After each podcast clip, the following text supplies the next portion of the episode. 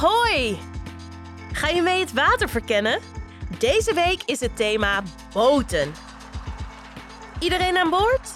We beginnen bovenaan met tandenpoetsen. 3, 2, 1. Varen maar! Ze zijn er in alle vormen en maten. Denk maar eens aan een kano, een speedboot of een gigantisch vrachtschip. Sommige varen heel de wereld over, terwijl andere al roeiend het meertje in de buurt verkennen. Heb jij zelf wel eens in een boot gevaren? In welke boot je ook gezeten hebt, één ding is bij iedere boot hetzelfde. Ze zijn allemaal gestroomlijnd.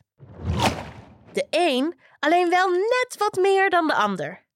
Denk maar eens aan een speedboot. Deze zijn gemaakt om supersnel te kunnen varen. Veel sneller dan de meeste andere boten. Dat komt omdat ze heel erg gestroomlijnd zijn. Dankzij hun vorm kunnen ze zo door het water zoeven. Hierbij hebben ze veel minder last van weerstand dan bijvoorbeeld grote vrachtschepen. Weet jij hoe dat komt? Draai nu je tandenborstel om en begin je ondertanden te poetsen.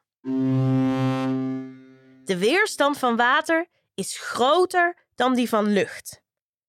Water is zelfs 800 keer dichter dan lucht.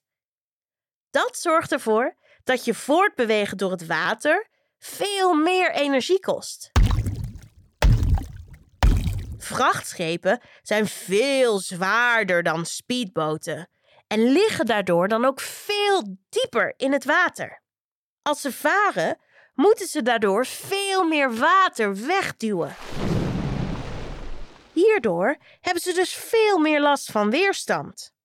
Speedboten zijn zo gemaakt dat ze zo ondiep mogelijk in het water liggen.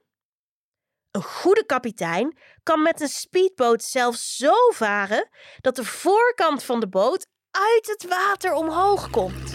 Woehoe, daar gaan we! Dat heet trimmen.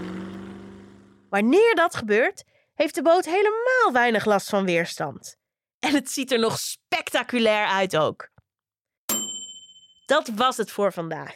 Spuug je tandpasta uit en spoel goed je mond. Morgen vertel ik je meer over de meest gestroomlijnde boot. Tot dan!